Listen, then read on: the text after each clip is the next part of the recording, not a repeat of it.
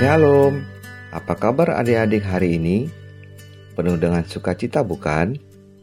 Ya, kita sebagai anak-anak Tuhan sudah sepatutnya bersuka cita di dalam segala hal. Seperti yang tertulis di dalam Alkitab bahwa bersukacitalah senantiasa di dalam Tuhan. Hari ini Om Julius merasa senang boleh menyapa adik-adik melalui pemberitaan firman Tuhan di dalam program SEMA Podcast Anak GKI Kebayaran Baru. Pembacaan firman Tuhan hari ini terambil dari Roma 12 ayat 1 sampai dengan 2. Nah, adik-adik, sebelum kita membaca dan merenungkan firman Tuhan ini, marilah kita berdoa kepada Tuhan. Terima kasih Tuhan Yesus atas berkat dan kasih setiamu yang tiap-tiap hari boleh kami terima dan saat ini kami mau mendengarkan firman Tuhan. Bukakan hati dan pikiran kami sehingga kami boleh mengerti dan memahami atas firman Tuhan yang disampaikan hari ini. Sehingga kami boleh melakukannya di dalam kehidupan kami sehari-hari. Berbicaralah Tuhan, kami siap untuk mendengarkannya. Haleluya. Amin. Roma 12 ayat 1 sampai dengan 2. Beginilah firman Tuhan. Karena itu, saudara-saudara, demi kemurahan Allah, aku menasehati kamu supaya kamu mempersembahkan tubuhmu sebagai persembahan yang hidup, yang kudus, dan yang berkenan kepada Allah. Itu adalah ibadahmu yang sejati. Janganlah kamu menjadi serupa dengan dunia ini, tetapi berubahlah oleh pembaharuan budimu, sehingga kamu dapat membedakan manakah kehendak Allah, apa yang baik, yang berkenan kepada Allah, dan yang sempurna. Demikianlah firman Tuhan.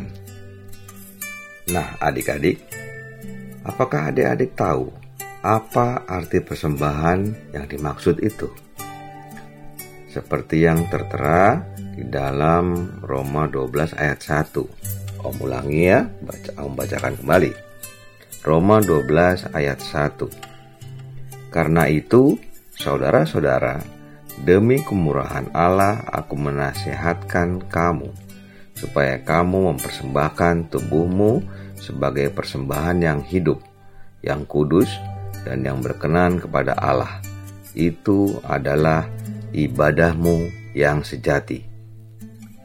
Hari ini kita akan belajar tentang persembahan. Apa sih arti dari persembahan itu bagi kita orang percaya? Yuk kita belajar bersama-sama. Dalam perjanjian lama, persembahan adalah korban bakaran yang diberikan manusia kepada Tuhan untuk menebus kesalahannya. Jadi, umat manusia harus mempersembahkan korban bakaran untuk menghapus dosa-dosanya. Wah, ribet ya adik-adik. Hmm. Selain itu, persembahan juga merupakan salah satu cara umat Tuhan bersyukur atas berkat yang diterima dari Tuhan. Ketika dengan ketaatan pada Allah Bapa, Tuhan Yesus mati di kayu salib untuk menebus dosa kita semua, umat manusia tidak perlu lagi memberikan persembahan berupa korban bakaran untuk menebus dosa mereka. Darah Tuhan Yesus sudah mampu untuk menebus dosa kita semua. Hebat ya? Ya, tentu hebat ya adik-adik. Tapi bukan berarti kita tidak memberikan persembahan saat ini. Kita tetap memberikan persembahan kepada Tuhan sebagai wujud terima kasih kita karena Tuhan telah menebus dosa kita semua. Dan apakah adik-adik tahu bahwa persembahan bukan hanya berupa uang, pada saat kita memberikan persembahan di sekolah minggu atau gereja, itu juga penting untuk membantu pekerjaan Tuhan. Namun, lebih dari itu, Tuhan mau kita mempersembahkan hidup kita kepadanya. Bagaimana caranya? Tentu saja dengan selalu melakukan perintah dan taat kepada ajarannya. Ayo adik-adik, kita sungguh-sungguh memberikan yang terbaik kepada Tuhan.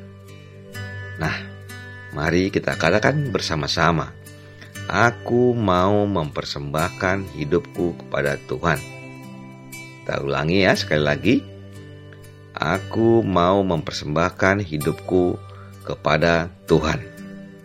Mari adik-adik kita berdoa. Bapa di surga, terima kasih atas firman yang boleh kami dengarkan pada hari ini. Dan kami mau untuk mempersembahkan hidup kami kepada Tuhan dalam setiap langkah kami. Terima kasih ya Tuhan. Di dalam nama Tuhan Yesus. Haleluya. Amin. Tetaplah semangat, bersukacitalah selalu, dan bertekunlah di dalam doa. Tuhan Yesus memberkati.